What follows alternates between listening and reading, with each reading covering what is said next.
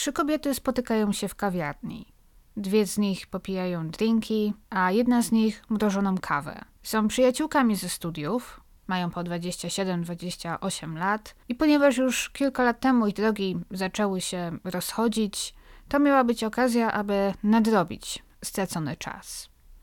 Ale po zaledwie chwili jedna z nich odchyla głowę do tyłu i traci przytomność. Niedługo później umiera, jak się okaże, otruta. Kto i dlaczego wsypał Mirnie Salihin truciznę do kawy? Witam ponownie w nowym odcinku Aneksu. Ja mam na imię Aga, jeśli jeszcze się nie znamy. Jeżeli już się znamy, to oczywiście witajcie ponownie. Miło mi, że znów do mnie dołączyliście. Wypuszczam nowe odcinki co niedzielę na YouTube, a później w ciągu tygodnia również na innych aplikacjach do słuchania podcastów. Jeżeli jeszcze tego nie robicie, będzie mi bardzo miło, jeżeli zasubskrybujecie mój kanał. Może przed końcem roku uda się dobić do 70 tysięcy. Jeżeli nie, to też ok. Czy będzie mi też miło, jeżeli może wystawicie ocenę w aplikacji do słuchania podcastów, której używacie. I to tyle słowem wstępu. Dziś mam dla Was sprawę aż z Indonezji, bardzo głośną sprawę z Indonezji sprzed kilku lat. A zatem, jak zawsze, usiądźcie sobie wygodnie, weźcie sobie jakieś piciu i zapraszam. Zacznijmy od tego, kim była Wayan Mirna Salihin. Pochodziła z Indonezji, urodziła się w Jakarcie, która jest stolicą tego kraju. Przyszła na świat w roku 88, więc w 2016, gdy nasza sprawa ma miejsce, miała 27, nieskończone 28 lat. Miała siostrę bliźniaczkę swoją drogą, imieniem Sandy, która dziś mieszka w Niemczech. Poza tym, że kobiety wyglądały identycznie, jeżeli chodzi o charaktery i usposobienie, podobno nie miały ze sobą wiele wspólnego. Jakarta to wielka metropolia, liczy sobie ponad 100 milionów mieszkańców. To tam Midna się wychowała i ponieważ jej rodzina jest dosyć bogata, jej ojciec jest biznesmenem, Midna i jej rodzeństwo zawsze chodzili do najlepszych prywatnych szkół, a na studia Midna została wysłana do Australii, gdzie też właśnie wielu bogatych Indonezyjczyków wyjeżdża studiować. Midna więc przeniosła się do Sydney na kilka lat, przyjechała tam w roku 2007, miała wtedy lat 19 i studiowała tam grafikę i projektowanie w prywatnym koledżu Billy Blue. I w Sydney spędziła następne 4 lata. Skończyła studia i otrzymała dyplom w roku 2011. Oczywiście przez te lata zadomowiła się w Australii, zdobyła tam wielu przyjaciół, ale miała też właśnie sporo koleżanek z Indonezji. Tak to czasem bywa, że gdy spotykamy swoich rodaków gdzieś za granicą, to często prędko się z nimi zaprzyjaźniamy. Mimo, że na przykład nie zaprzyjaźnilibyśmy się w taki sam sposób, gdybyśmy się poznali w kraju na przykład. Mieszkając i studiując w Sydney, Bidna przyjaźniła się w szczególności z trzema dziewczynami z Indonezji o imionach Hani, Vira i Jessica. Niedługo później jednak Midna postanowiła wrócić na stałe do Indonezji. Znów to w Australii, będąc na studiach, poznała chłopaka, Arifa, który znów studiował w Melbourne. I gdy oboje skończyli studia, postanowili wrócić do kraju i tam się pobrać. Chcieli założyć rodzinę.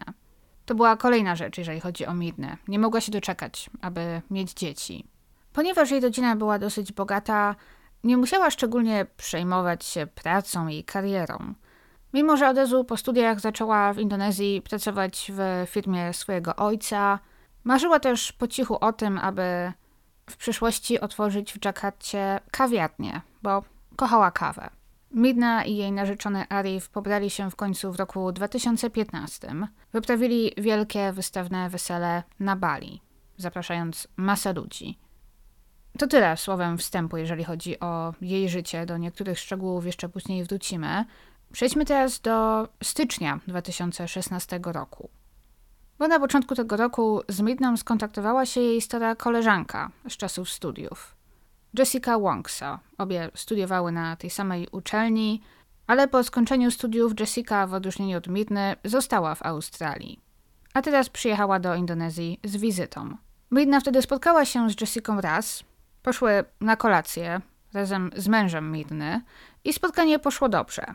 Jak później Arif powie, Midna trochę obawiała się tego spotkania, ponieważ gdy widziała się z Jessicą rok wcześniej gdy ona znów była z wizytą w Australii, pokłóciły się i zostały mocno pokłócone.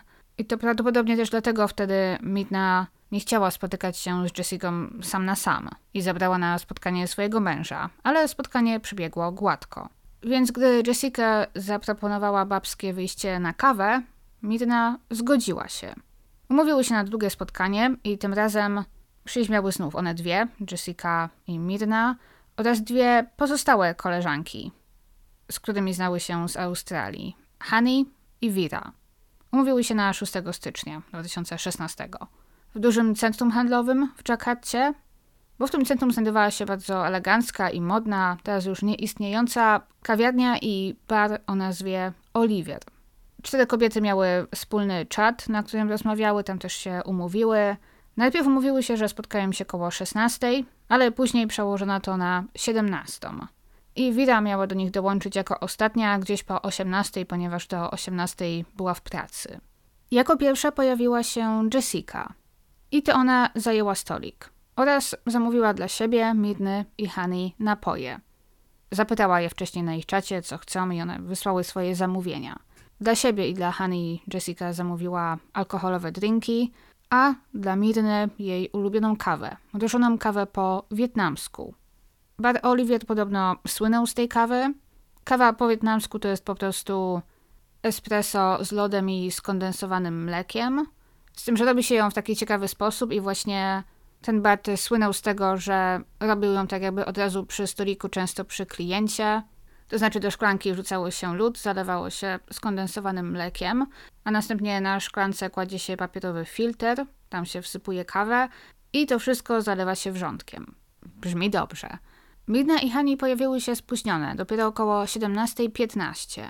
Wiemy to dzięki monitoringowi, do tego monitoringu jeszcze wrócimy. Dosyć prędko kobiety usiadły i każda z nich zaczęła popijać swoje napoje.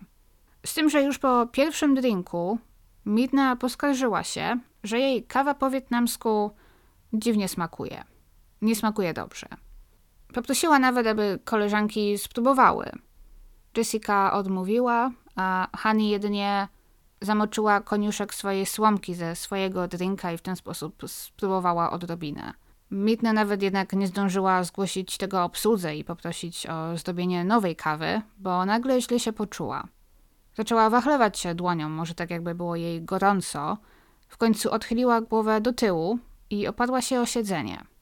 Tak jak robimy to, gdy zdobi nam się słabo. Po czym zemdlała, a z jej ust zaczęła toczyć się piana. Zrobiło się zamieszanie, podniosły się krzyki, zbiegła się obsługa. Wyglądało to tak, jakby Midna dostała jakiegoś ataku. Wezwano pomoc i została wywieziona z centrum handlowego przez ratowników na wózku. Zabrano ją do szpitala, gdzie niestety stwierdzono jej śmierć. Jej rodzina i bliscy, nikt nie mógł w to uwierzyć. Ta zupełnie zdrowa 27-latka nagle umiera bez wyraźnej przyczyny. Jej rodzina, mimo że oczywiście chciała odpowiedzi, chciała wiedzieć, co się stało, na początku mieli trochę opory, aby zgodzić się na przeprowadzenie autopsji. Było to bardziej z przyczyn religijnych, ale zrozumieli, że nie mają wyboru. W końcu zgodzili się na autopsję, ale jednocześnie poprosili, aby była ona najmniej inwazyjna jak to możliwe. Dlatego też w końcu autopsja została przeprowadzona jedynie częściowo.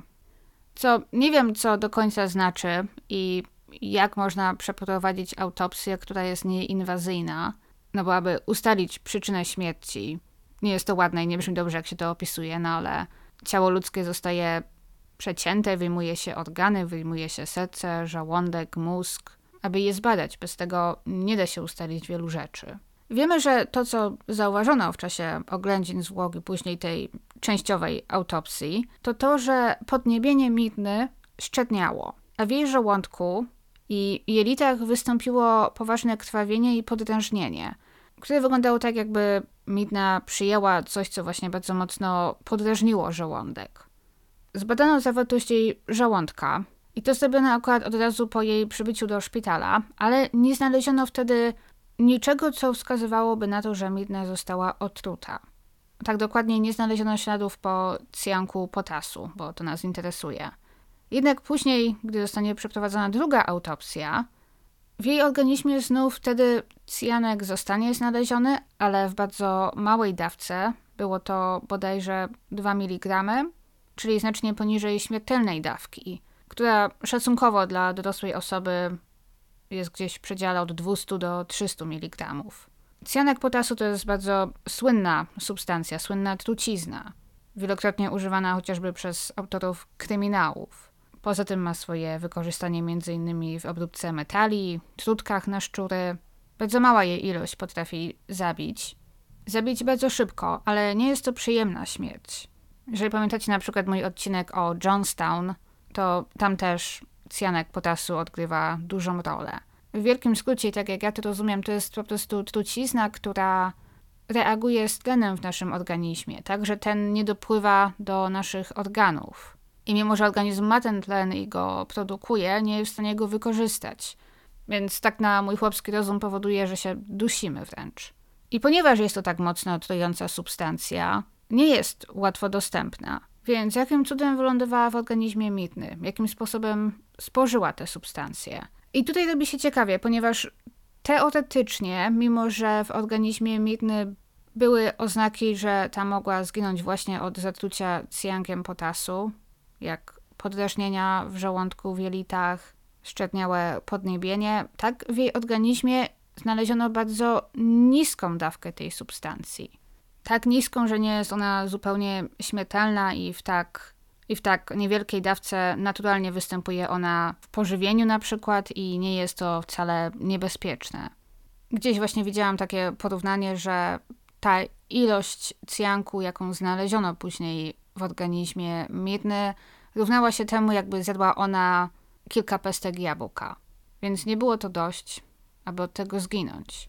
Ale mimo tego uznano, że to właśnie zatrucie cjankiem potasu spowodowało śmierć Mirny. I był ku temu jeden duży powód. I była to kawa.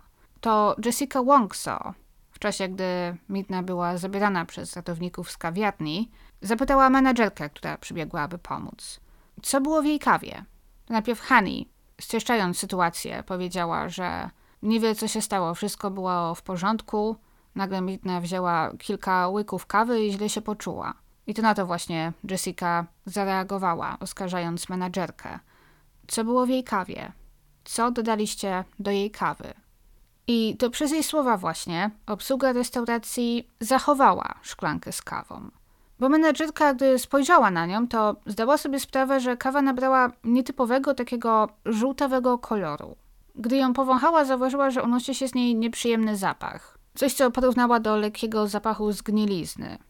Na pewno nie pachniała tak, jak powinna pachnieć kawa. Szklanka została więc zabrana wtedy na tyły kuchni. Batysta również ją powąchał, nawet chyba spróbował koniuszkiem palca odrobinę tej kawy, zgodził się, że coś jest nie w porządku.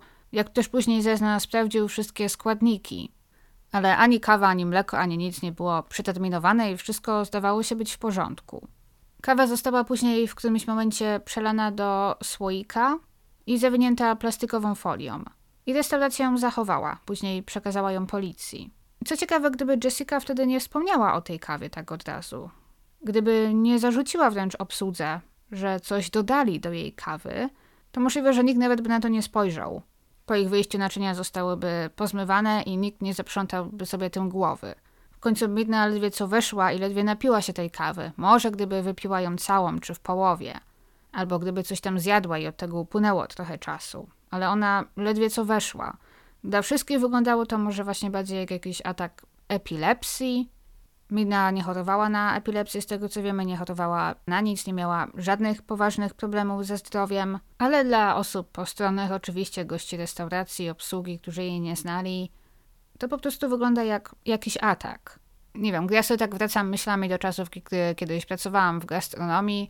Gdyby właśnie gdzieś zdarzyła się taka sytuacja, że ktoś na przykład bardzo nagle źle się poczuł, to raczej właśnie nie przyszłoby mi do głowy, że ta osoba została zatruta i że muszę nie wiem, zachować to, co, to, co ta osoba jadła czy piła. Raczej właśnie od razu pomyślałabym o jakimś ataku. I zdaje się, że właśnie tak też myślała obsługa.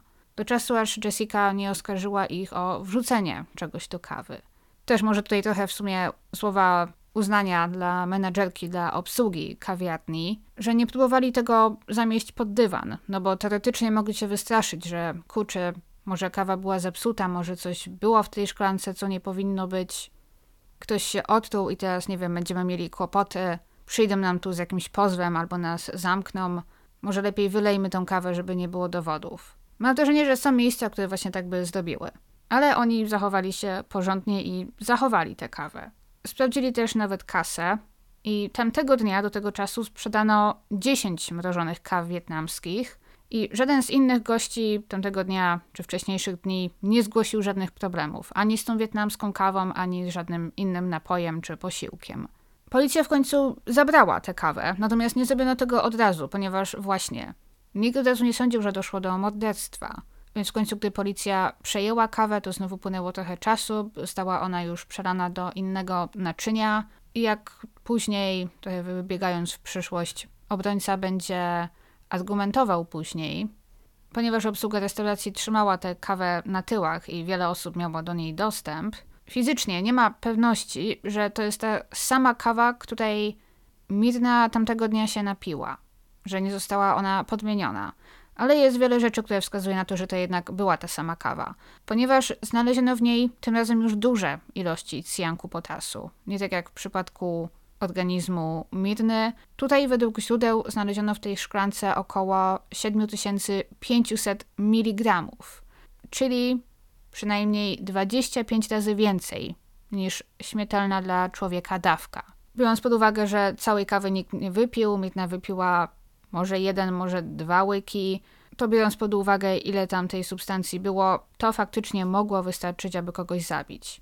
To właśnie przez to uznano, że przyczyną śmierci Mirny musiało być zatrucie cjankiem potasu, mimo że wyniki autopsji nie wskazywały na to w 100%. Co też ciekawe, według ekspertów, którzy zeznali później podczas procesu, taka mieszanka, kawa, w której znajdowała się taka ilość cjanku potasu, mogła wpłynąć negatywnie nie tylko na osobę, która się jej napiła, ale nawet na osoby, które znajdowały się w pobliżu, które mogłyby ją powąchać. I eksperci uznali za dziwne, że właśnie nikt w kawiarni, w tym Jessica, która siedziała obok tej kawy, zdaje się, najdłużej i najbliżej, nie poczuła żadnych efektów ubocznych. Kawa była też wąchana w bardzo małych ilościach, ale próbowana przez Honey, menadżerkę, baristę i nikt z tych osób również niczego nie zgłosił. Ale fakt oczywiście, że tę kawę zachowano okazał się być bardzo ważnym dowodem w tej sprawie. Możliwe, że gdyby nie to, nikt nawet nie wpadłby na ten trop, że Mitne została odsuta akurat w ten sposób. Drugim ważnym aspektem w tej sprawie, ważnym dowodem, były nagrania z monitoringu w kafe Olivier. Teraz jak przebiegło spotkanie tych kobiet i co się działo tamtego popołudnia? Okazało się, że pierwsza z kobiet, Jessica Wongso, pojawiła się na krótko w kawiarni już o 15.30, ponad półtorej godziny przed przyjściem Mirny i Hani. Ale Jessica nie usiadła wtedy przy stoliku, jedynie rozejrzała się, po czym wyszła. Kamery nagrały ją ponownie o 16.15. Wróciła z trzema torbami w ręce, torbami ze sklepu Bath and Body Works, czyli tego sklepu, który robi mydła, płyny do kąpieli, chyba też świece. Kupiła po drogim zapachowym mydle, które najwyraźniej planowała podarować Mirnie, Hani i Wierze, bo każde było zapakowane w osobną torbę. Teraz Jessica weszła i zajęła miejsce przy stoliku. Zanim usiadła jednak obeszła restaurację i przyjrzała się miejscu dobrze – Niektórzy sądzą, że w tym momencie wygląda trochę tak, jakby analizowała, gdzie w pomieszczeniu są kamery, ale oczywiście równie dobrze może po prostu szukać stolika w najprzyjemniejszym, najbardziej ustronnym miejscu. Mam wrażenie, że wszyscy tak robiliśmy, chociaż raz, gdy wchodzimy do kawiarni czy restauracji, stolik stolikowi nierówny. Zwłaszcza jeżeli spotykamy się może z kimś, kogo dawno nie widzieliśmy i chcemy sobie pogadać. Chcemy siedzieć w miejscu, gdzie jest cicho i przyjemnie. Jessica w końcu wybrała stolik i zajęła miejsce. Po tym, gdy usiadła znów, niektórzy sądzą, że wygląda to tak w tym momencie, jakby podniosła głowę i spojrzała prosto w kamerę, która była po drugiej stronie pomieszczenia, przed nią. Nagranie z tej kamery jest niestety mega niewyraźne. Bezpośrednio nad ich stolikiem znajdowała się kamera, która jednak samego stolika nie obejmowała. Story widać jedynie z tej kamery, która znajduje się znacznie dalej. I mimo, że widać coś, co momentami wygląda to po prostu jak mieszanina pikseli. Ale to, co wiemy, wydarzyło się na pewno, to to, że Jessica potem, gdy usiadła, wzięła te trzy torby, które ze sobą przyniosła i postawiła je na stole. Także poniekąd zasłoniły ją zupełnie przed tą kamerą, która znajdowała się dalej. Znów niektórzy sądzą, że to dziwne kłaść te torby na stole. Zwykle, gdy siadamy przy stoliku i mamy coś przy sobie, to kładziemy to na siedzeniu obok nas. Zwłaszcza, że ona tam siedziała na takiej sofce, więc teoretycznie było miejsce. Albo na ziemi. Wydaje mi się, że gdy ja mam ze sobą, nie wiem, jakieś torby ze sklepu, nie moją torebkę, to położyłabym je po prostu na ziemi w kawiarni. No ale okej, okay, ponieważ to miały być prezenty, może specjalnie położyła je na stole, bo chciała, aby jej koleżanki, jak wejdą, aby od razu je zobaczyły. Jakiekolwiek nie były jej intencje, torby te zasłoniły ją dobrze przed okiem kamery, także wygląda jeszcze bardziej podejrzanie. Następnie podeszła do baru zamówić napoje. Na rachunku widnieje godzina 16.18. Złożyła więc zamówienie już na praktycznie godzinę przed przybyciem Mirny i Hani, bo te nie pojawią się do 17.15. Napoje do stolika przyniesiono o 16.24. Nawet jeżeli założymy, że Mirna i Hani miałyby przyjść punktualnie o 17.00, to zamawianie drinka z lodem czy mrożonej kawy z takim wyprzedzeniem nie ma sensu. Do tego czasu lód roztopi się i napój się rozwodni.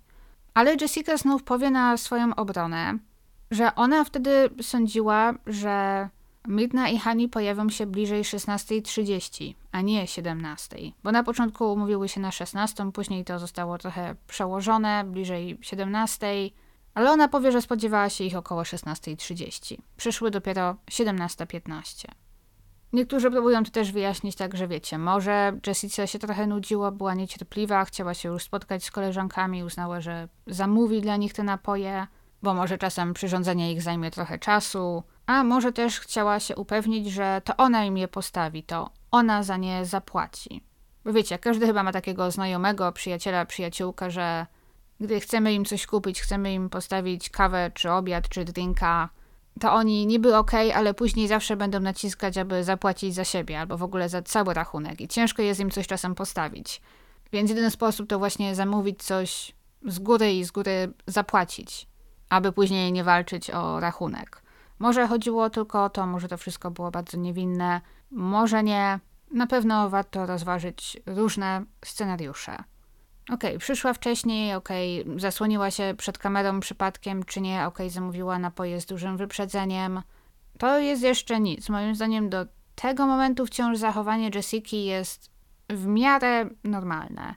I samo to, moim zdaniem, jeszcze nie wskazuje w żaden sposób, że jest winna. Tym, co jednak jest dużym problemem dla niej, to to, że ona następnie spędziła 50 minut siedząc z tymi trzema napojami, zasłonięta przed widokiem kamery trzema pakunkami. Spędziła 50 minut z tą kawą, której znaleziono cjanek potasu. Midna poczuła się źle praktycznie od razu po tym, gdy napiła się kawy po przyjściu, dosłownie w ciągu kilku minut. Więc jeżeli wykluczymy, że Midna w jakiś dziwny sposób nie popełniła samobójstwa i sama sobie nic do tej kawy nie wrzuciła, oraz Hani nie miała sposobności, aby to zrobić, jako że dopiero przyszła z nią, to, to Jessica była tą osobą, która spędziła z tą szklanką, z tym napojem najwięcej czasu i miała największą sposobność, aby coś do niej wrzucić. Poza nią oczywiście jest jeszcze barista, który tę kawę przyrządził, kelnerka, która im te napoje przyniosła, ale wszyscy inni pracownicy, którzy gdzieś tam mieli dostęp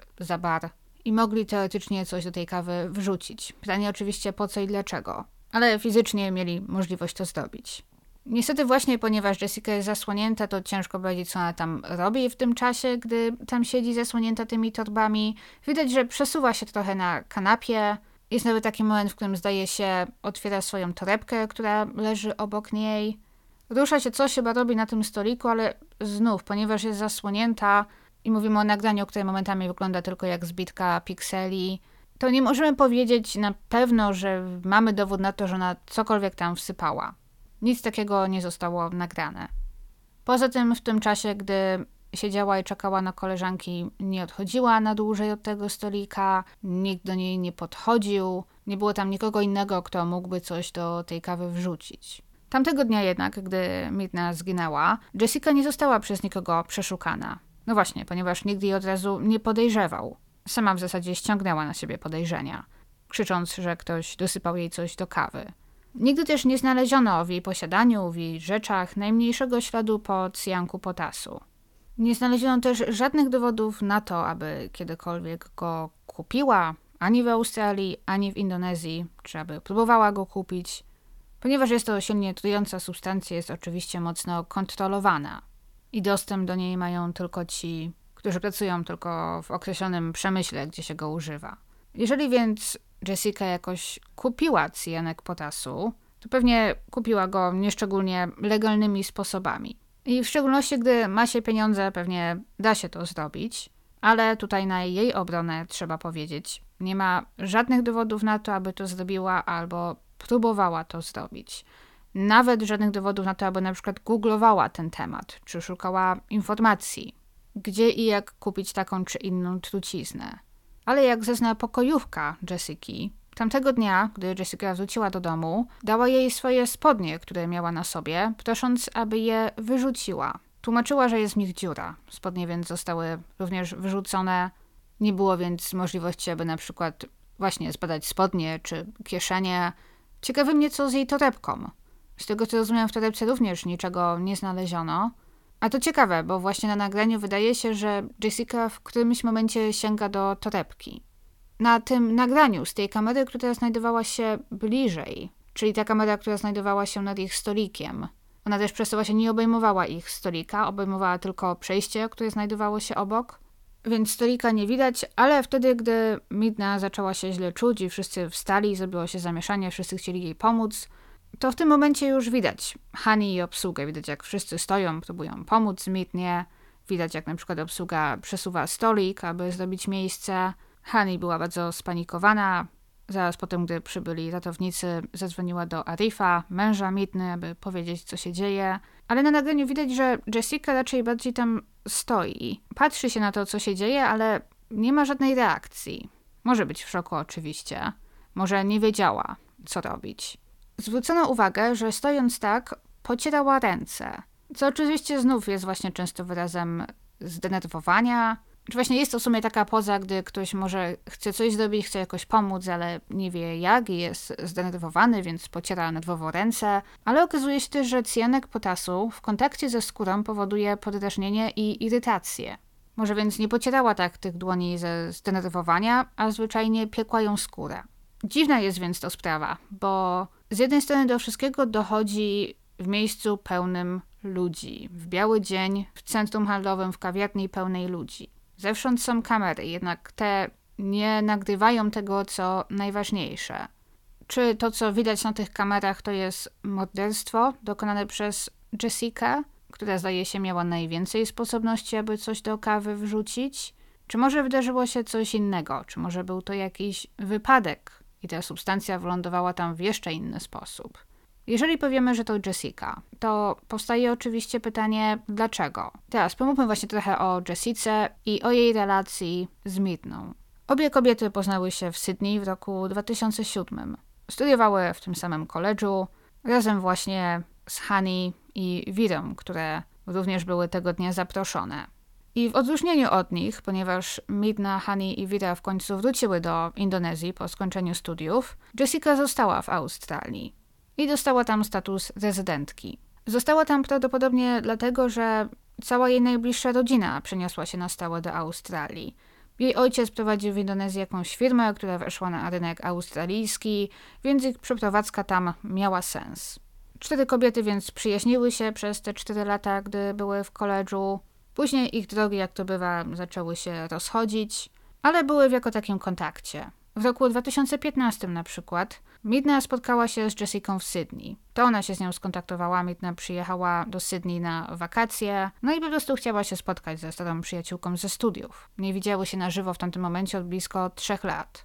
Poszły bodajże na jakąś kolację czy na obiad do restauracji, ale pokłóciły się podczas tego spotkania. O co dokładnie, to możliwe do końca pozostanie tajemnicą, ale z tego co wiemy, z tego co Mirna później powtórzyła na przykład swojemu mężowi, Poszło o chłopaka, z którym Jessica spotykała się w Australii. To był Australijczyk imieniem Patrick.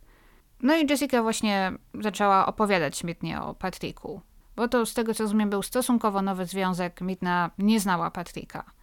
I nie wiadomo, co dokładnie Jessica powiedziała jej o Patryku, o czym dokładnie zaczęła mówić, ale znów jak powiedziała rodzina Mirny, ona była osobą dosyć bezpośrednią. Jeżeli coś jej się nie podoba, coś jej nie pasuje, ktoś jej się nie podoba, to od razu to powie. I podobno tak zrobiła w tym wypadku. Cokolwiek Jessica jej powiedziała, Mirna zwróciła uwagę, że to nie jest dobry związek. Że Patrick nie jest dobrym mężczyzną dla Jessiki i że powinna z nim zerwać. O co dokładnie chodziło? Czy Mirna zauważyła, że w ich związku dochodzi do jakiejś przemocy czy czegoś niezdrowego? Szczegóły tego mogą już do końca pozostać trochę w tajemnicy bo oczywiście Midna nie może już powiedzieć, co się stało, a Jessica też nigdy tego nie skomentowała. Ale cokolwiek się stało, podróżniło je to jakoś mocno, bo Jessica wyszła w połowie posiłku. Zostawiła Midnę samą w restauracji, bez pożegnania i Midna podobno była zaskoczona jej gwałtowną reakcją. I nie rozmawiały już potem, właśnie do czasu, aż Jessica nagle nie skontaktowała się z nią na początku roku 2016, gdy to nagle przyjechała z wizytą do Indonezji. Ponieważ przestała rozmawiać z Jessicą i rozstały się w taki sposób, Midna nie zaprosiła też Jessiki na swój ślub. Jessica dowie się o tym już po fakcie, gdy zobaczy ich zdjęcia na Facebooku. I czasem można usłyszeć, że to bardzo Jessica wkurzyło, uraziło, że nie została zaproszona, ale tutaj akurat nie wiem skąd to się wzięło, bo Jessica nigdy tego nie powiedziała. Nie powiedziała, że poczuła się jakoś urażona, że nie została zaproszona. Nikomu też o tym nie powiedziała. Nie wiem, nie znalazł się nikt w stylu chłopak, koleżanka, przyjaciółka, siostra, mama, która później zeznałaby, że Jessica przyszła i poskarżyła się o, że ta, wyprawiła sobie wesele na Bali, zaprosiła wszystkie inne koleżanki ze studiów, a mnie nie. Nigdy czegoś takiego nie powiedziała. Możliwe, że była urażona, może poczuła się urażona, ale nigdy w żaden sposób tego nie zakomunikowała. Odczucie koleżanki ze studiów, bo nie zaprosiła mnie na swoje wesele, to też nie brzmi jeszcze jak najbardziej przekonujący motyw. Możliwe w ogóle, że Jessica nie przejęła się szczególnie ślubem Mirny, ponieważ w tamtym czasie, pod koniec roku 2015, miała masę innych problemów. Mimo, że Jessica zamieszkała właśnie w Australii, ponieważ cała jej rodzina się tam przeniosła. Zdaje się, miała tam ludzi, którzy może mogli ją wspierać i pomóc, jeżeli z czymś się zmagała. Zdaje się, że Jessica miała jakieś problemy, z którymi była całkiem sama. W tamtym czasie zaczęła nadużywać alkoholu. Dokładnie 22 sierpnia 2015 spowodowała poważny wypadek, który mógł skończyć się tragicznie na obrzeżach Sydney. Wjechała samochodem w budynek, w dom opieki dla osób starszych. Na szczęście to pomieszczenie, w które wjechała, nikogo tam wtedy nie było, więc nikt nie ucierpiał. Ucierpiała tylko ona. Wyszła z masą siniaków, zadrapań i dwoma złamanymi żebrami. Jak się okaże, była mocno pijana w tamtym momencie i gdzie właśnie uznano to za wypadek w czasie jazdy po pijanemu. Tak pojawiły się też podejrzenia, czy to przypadkiem nie była próba samobójcza. To nie było tak, że ona straciła panowanie nad samochodem, tylko może w przypływie chwili celowo wjechała w ten budynek. Znów, dopóki ona nie powie, co jej chodziło po głowie, możemy tylko zgadywać. W lutym 2016 roku miała pojawić się w sądzie w Sydney, bo to nie była sprawa zamknięta.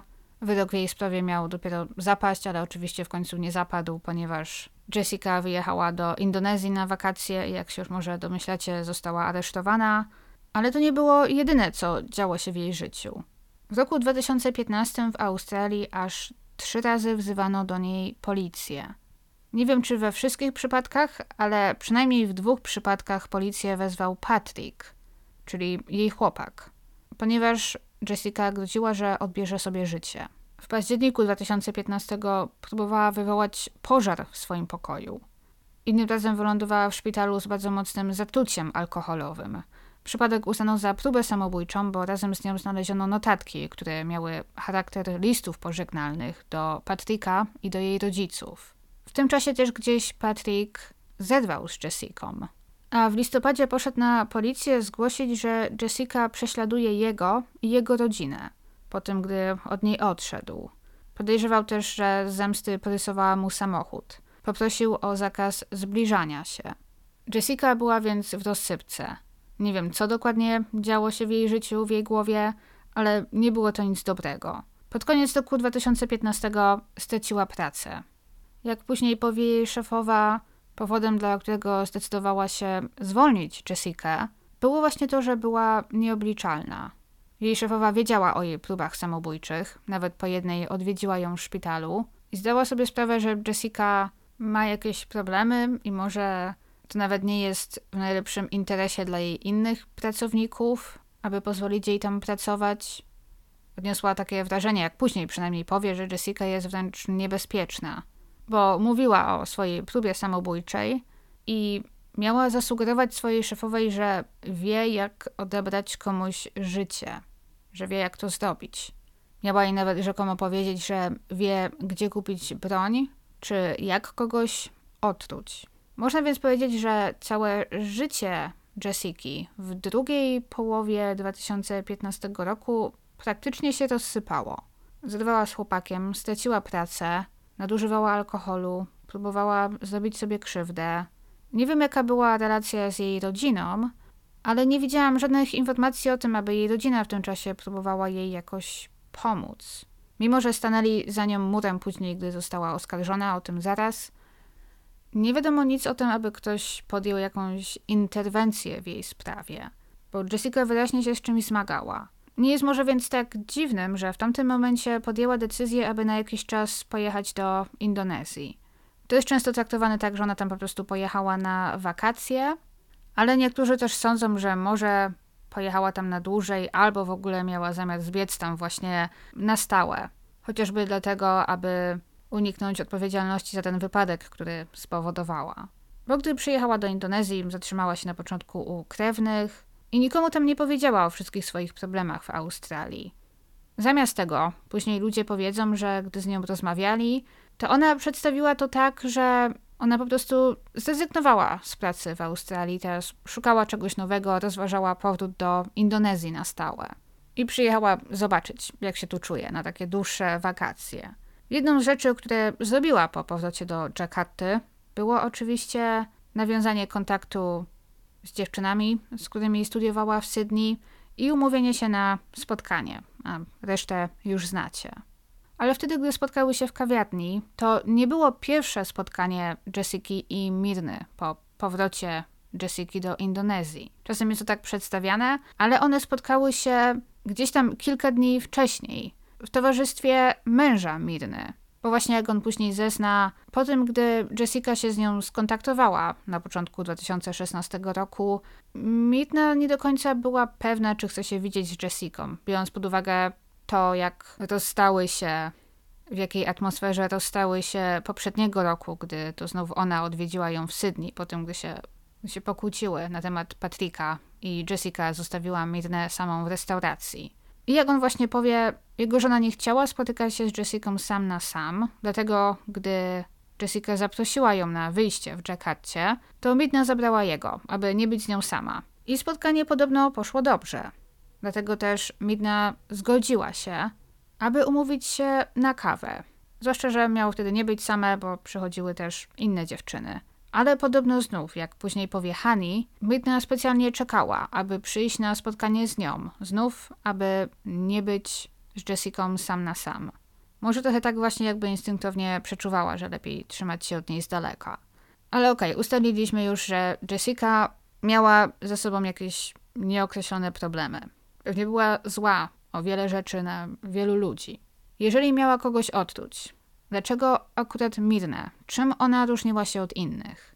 No bo jeżeli tak na to spojrzymy, Jessica nadużywała alkoholu, próbowała odebrać sobie życie, spowodowała wypadek samochodowy, jej związek się rozpadł, chyba nie dogadywała się z rodziną, nie miała od nich wsparcia, została zwolniona, była podobno bardzo skora do kłótni, Chyba możemy spokojnie powiedzieć, że pewnie miała powody, aby pałać niechęcią czy nienawiścią do wielu osób w swoim życiu. Do byłego chłopaka, który ją zostawił, do szefowej, czy do rodziców, którym zarzuciła brak wsparcia. Dlaczego jednak zabiła Mirnę? Czy tylko dlatego, że ta pół roku wcześniej powiedziała jej, że jej związek jest do kitu i powinna zostawić Patryka, bo gdzie właśnie ta kawa z cjankiem potasu, słoik z nią zresztą później zaprezentowano na sali sądowej i nagrania z kamer były dosyć mocnymi dowodami, tak brakowało jednej konkretnej rzeczy i był to motyw. Sugerowano zazdrość. Jessica zazdrościła Mirnie życia, zazdrościła jej małżeństwa, szczęścia, ale znów to zdaje się nie jest dość, no bo inne jej przyjaciółki ze studiów też dobrze sobie radziły w życiu. Dlaczego akurat Mirna? Potem pojawiły się znów podejrzenia, że Jessica była zakochana w Arifie, w mężu Mirny, że może miała z nim wcześniej romans i że była później bardzo zdaniona, gdy odkryła, że ci pobrali się i że nie została nawet zaproszona. Ale to też nie ma tak do końca sensu, ponieważ ona znała Arifa tylko w przelocie, z tego co wiemy nic ich nie łączyło. Tu więc znów weszły podejrzenia, że może ona wcale nie była zakochana w Arifie, a w Mirnie, że miała na jej punkcie obsesję. Teraz to nie są informacje potwierdzone, to jest coś, co wypuściła później rodzina Mirny, gdy zaczęła przeglądać wiadomości w jej telefonie, wiadomości od Jessiki. Zobaczyli, że Jessica wysłała jej sporo wiadomości o takim mocno romantycznym wydźwięku. Na przykład Dawno cię nie całowałam. Chcę cię pocałować. I tutaj trzeba wierzyć oczywiście osobom, które mówią w ich języku. To nie były takie jakieś, nie wiem, miłe, czułe wiadomości jak pomiędzy przyjaciółkami, tylko że właśnie słownictwo, jakiego Jessica użyła w tych wiadomościach, było nacechowane typowo romantycznie. I ktoś w nieromantycznej relacji by raczej takich słów nie użył. Ale, jak też powiedziała rodzina Mirny, Midna nie odpowiedziała na te wiadomości. Ignorowała je. Jeżeli Jessica faktycznie pisała do niej takie rzeczy, w momencie, gdy nie wiem, nic ich wcześniej nie łączyło i Midna nigdy nie wykazała żadnego zainteresowania Jessicą, to rzeczywiście takie wiadomości są dziwne i to tłumaczy, dlaczego Midna mogłaby nie chcieć pójść na spotkanie z Jessicą, albo właśnie nie chcieć być z nią sam na sam. Bo takie wiadomości od kogoś, z kim nic nas nie łączy, nigdy nie łączyło, które nagle tak wyskakują, tak trochę bez kontekstu, mogą być rzeczywiście, nie wiem, niezręczne. Ale też ciekawe jest to, co Jessica napisała. Dawno cię nie całowałam, czyli sugerując, że całowała ją w przeszłości. Znów pojawiło się podejrzenie, co jeżeli coś je łączyło faktycznie wcześniej, na przykład gdy mieszkało jeszcze w Sydney, ale Midna wyjechała, wyszła za mąż i teraz Jessica, nie wiem, płonęła z zazdrości. Midna nie tylko wyszła za mąż, ale nawet nic jej o tym nie powiedziała. I to taka zazdrość była motywem morderstwa Midny. Znów budujemy sobie tutaj historię, hipotezę, historię, która może nigdy się nie wydarzyła, na bazie kilku wiadomości. Jedynie Jessica może powiedzieć, o co chodziło, jak dotychczas tego nie zrobiła. Jednak ostatecznie taką najpopularniejszą teorią, która wygrała, była ogólna zazdrość, jeżeli chodzi o motyw. Chodziło o to, że Midna miała udane życie, a Jessica nie. Do tego doszło wszystko inne. To, że Midna skrytykowała jakoś jej związek z Patrickiem, że nie zaprosiła jej na wesele, że zerwała z nią kontakt. Wciąż moim zdaniem jest to jednak motyw trochę słaby. Jeżeli weźmiemy pod uwagę, że relacja Jessiki ze wszystkimi ludźmi w jej życiu była kiepska. W tamtym momencie miała na pięku w zasadzie ze wszystkimi. Dlaczego nie zabiła swojego chłopaka? Dlaczego nie zabiła, nie wiem, byłej szefowej, kogoś z członków rodziny? Dlaczego akurat Midna, a nie któraś inna koleżanka? Wszystkie miały lepsze życie od niej. Mam wrażenie, że pomiędzy Midną a Jessica stało się coś jeszcze, o czym żadna z nich nikomu nigdy nie powiedziała. Coś, co spowodowało, że Jessica zapałała do Midny właśnie taką głęboką nienawiścią, jeżeli oczywiście zakładamy, że ją zabiła w tym momencie. I może nawet to nie było coś, co naprawdę się wydarzyło, czy coś, co zostało powiedziane, a coś, co Jessica sobie uroiła. Odnoszę takie wrażenie, że Jessica mogła być taką osobą, która, wiecie, uczepi się jednego słowa, jednego wyrażenia, nie wiem, jednego krzywego spojrzenia, czy jednej sytuacji i to zmucha ją do ogromnych rozmiarów. Warto pewnie powiedzieć, że lekarze sądowi zdiagnozowali u Jessiki narcystyczne zaburzenie osobowości. Ale trzeba powiedzieć, przynajmniej jak zeznała później Jessica, tą diagnozę wysunięto tylko po kilku godzinach rozmowy z nią i jak powiedziała, to było bardziej przesłuchanie niż rozmowa. Lekarze, którzy z nią rozmawiali, bardziej ją przesłuchiwali niż diagnozowali. Czuła się zastraszona i nie jest zdziwiona, że może nie wywarła na nich najlepszego wrażenia. Jeżeli tak było, no to tutaj trzeba się zgodzić, że wysunięcie takiej diagnozy, jaką jest zaburzenie osobowości, po tylko kilkugodzinnej rozmowie, jeszcze w momencie, gdy ktoś jest w takiej nieznanej obcej sobie sytuacji, bo Jessica wtedy została aresztowana, to rzeczywiście są to może trochę pochopne wnioski. Ale są rzeczy, które zdają się pasować. Narcystyczne zaburzenie osobowości charakteryzuje się potrzebą bycia w centrum zainteresowania, zawsze bycia podziwianym, najlepszym, nieumiejętnością zaakceptowania perspektywy czy stanowiska innych osób, czyli brakiem empatii i stawianiem siebie na pierwszym miejscu, a jakąkolwiek krytykę osoby zaburzone przyjmują jako taki wielki atak na siebie. Czyli właśnie na przykład słowa Mirny, że związek Jessica i Patricka nie brzmi jak dobry związek i powinni się rozstać. Jessica mogła potraktować właśnie jako obrazę, zdradę stanu i no takie wbicie noża w plecy, że Midna zasłużyła na śmierć. Wyolbrzymiam oczywiście, ale mam nadzieję, że wiecie o co mi chodzi. Jessica została aresztowana 30 stycznia, czyli kilka tygodni po tym, gdy Midna zmarła. Nakaz aresztowania wydano za nią 29 stycznia, wtedy policja pojawiła się w domu u jej rodziny, u której się wtedy zatrzymywała, ale okazało się, że Jessica tam nie było, że spakowała się i wyjechała gdzieś, nikomu nie mówiąc gdzie. Dopiero dzień później została namierzona w hotelu. Zameldowała się tam, nikomu nie mówiąc, gdzie się zatrzymuje. Znów niektórzy mówią, że próbowała uciec w ten sposób, uniknąć odpowiedzialności, że może planowała znów wrócić do Australii, ale ona powiedziała, że w tamtym momencie już ta sprawa zrobiła się tak głośna, że miała dość prasy, paparazzi, którzy koczowali 24 godziny na dobę przed domem jej rodziny i po prostu chciała się przed nimi schować. Jessica Wongso stanęła przed sądem w czerwcu 2016 roku, więc nie czekała za długo na proces przynajmniej. Nie tak jak w Stanach, gdzie czasem ludzie czekają po kilka lat. Jej proces trwał aż, uwaga, 135 dni. Cały jej proces był transmitowany w indonezyjskiej telewizji. Oglądały go miliony ludzi, miliony ludzi go przeżywały i jest właśnie nazywany teraz procesem stulecia w Indonezji i porównywany właśnie do innych głośnych procesów, jak na przykład sprawa O.J. Simpsona. Rodzina Jessica zatrudniła dla niej najlepszego, najdroższego obrońcę w kraju. To pewnie też ze względu na niego ten proces trwał tak długo. Próbował podważać absolutnie wszystko. I akurat w tym wypadku nie można powiedzieć, że Jessica nie miała dobrej obrony, bo miała. Mimo tego w październiku została uznana winną przez trzech sędziów, bo w Indonezji nie ma takiego systemu ławników jak w Stanach na przykład, i skazano ją na 20 lat pozbawienia wolności. Jej adwokat składał apelacje, ale jak dotychczas wszystkie były odrzucane. Mimo wszystko 20 lat, biorąc pod uwagę jak jest młoda, to nie był najgorszy wyrok w jej wypadku.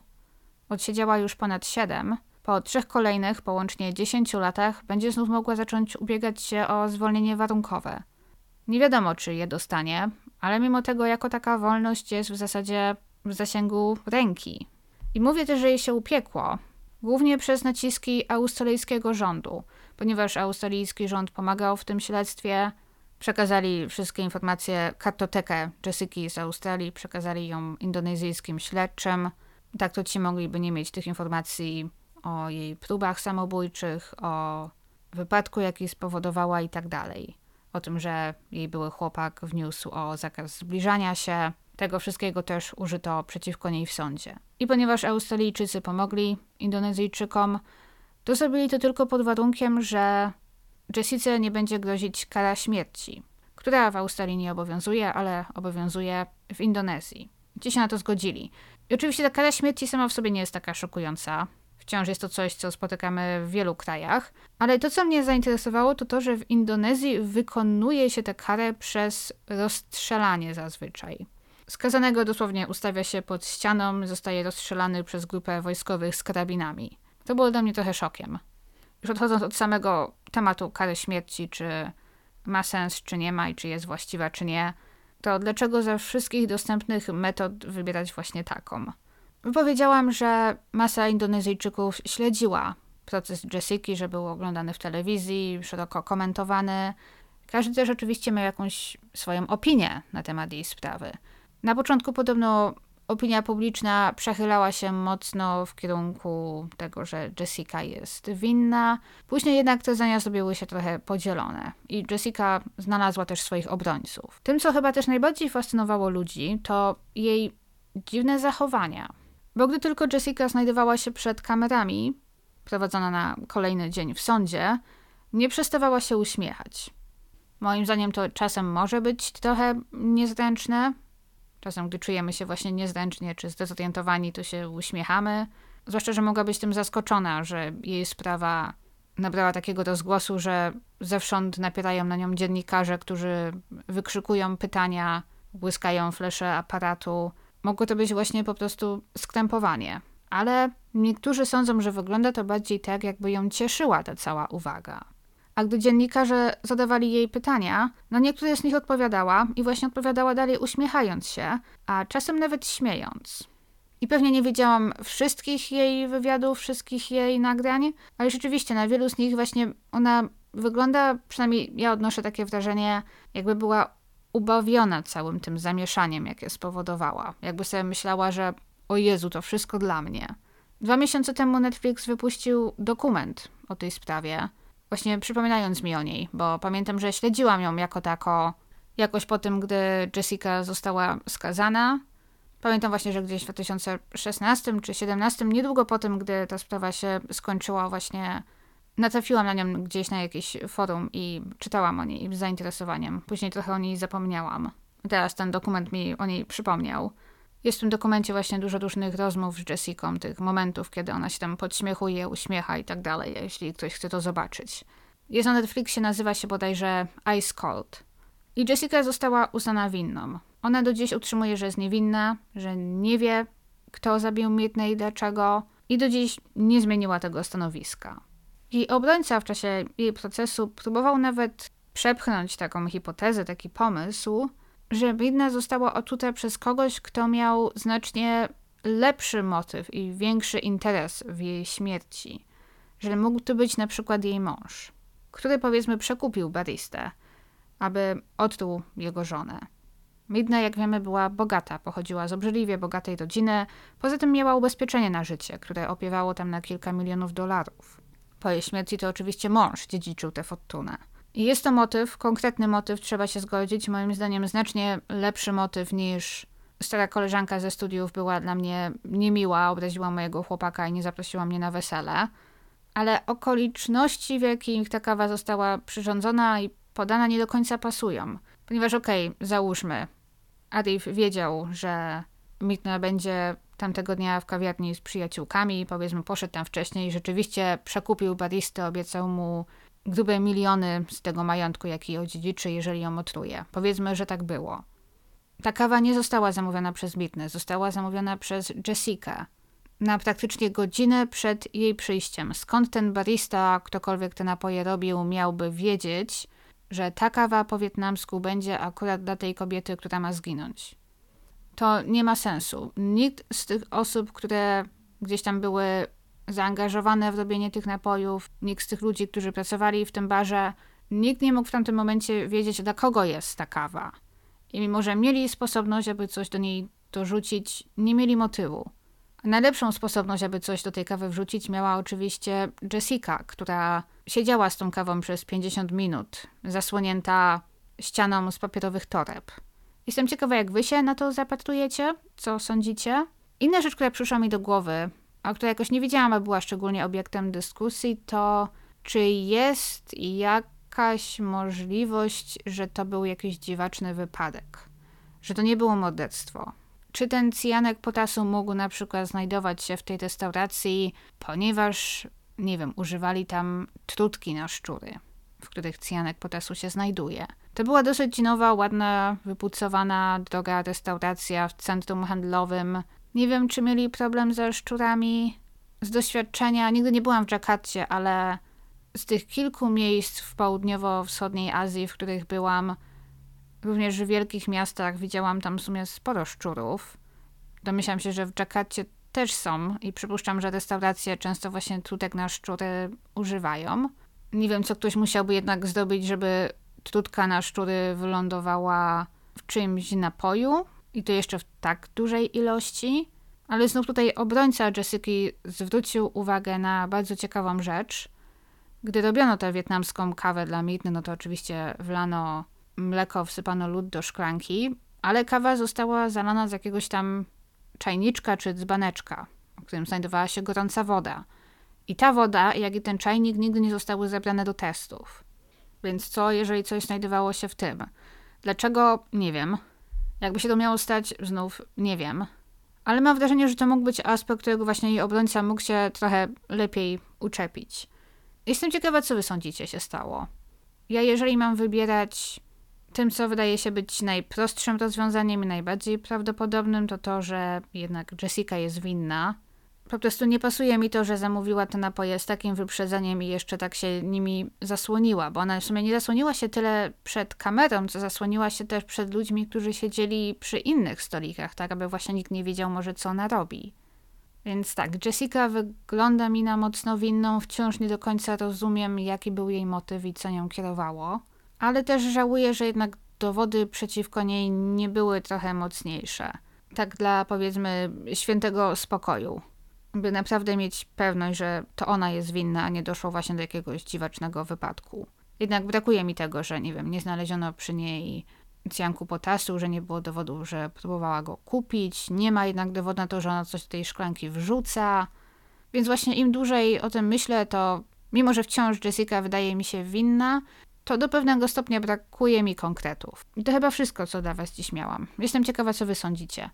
Dzięki za słuchanie, dzięki za oglądanie i słyszymy się za tydzień. Trzymajcie się. Pa!